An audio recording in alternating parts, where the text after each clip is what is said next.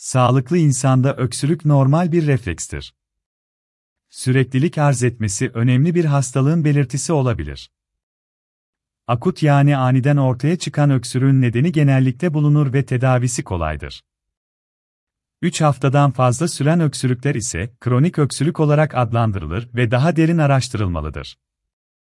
Öksürüklerin önemli bir kısmında neden birden fazla olabilir. Erişkinlerde öksürüğün en sık sebepleri, üst ve alt solunum yolları enfeksiyonları, sigara, geniz akıntısı, sinüzitler, alerjik hastalıklar, kirli hava, bazı ilaçlar ve reflü hastalığıdır.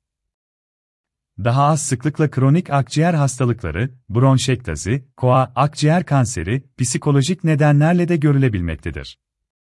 Çocuklarda ise kronikleşmiş öksürük nedenlerini şu şekilde sıralayabiliriz.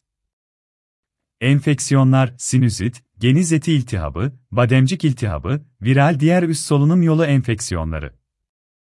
Astimoller ki, saman nezdesi. Mekanik nedenler, burunda ve bronşta yabancı cisim.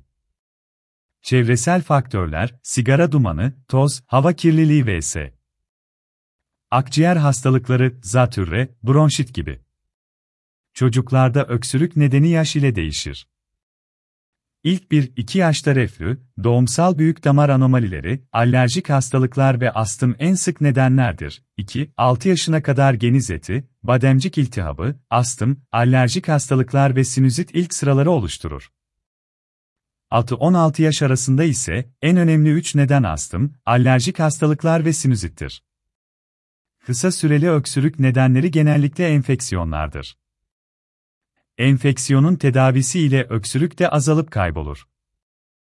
Ancak zeminde alerjik yatkınlık, akciğer hastalık öyküsü, sigara kullanımı gibi durumlar varsa bu süre uzayabilir.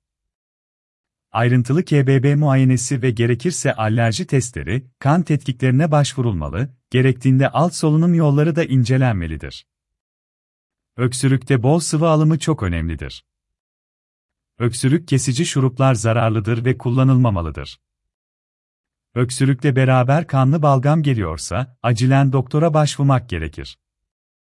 Öksürük tedavisi demek, öksürüğe neden olan bunca faktörün gözden geçirilmesi, doğru tanı konması ve tanıya göre tedavinin düzenlenmesi demektir.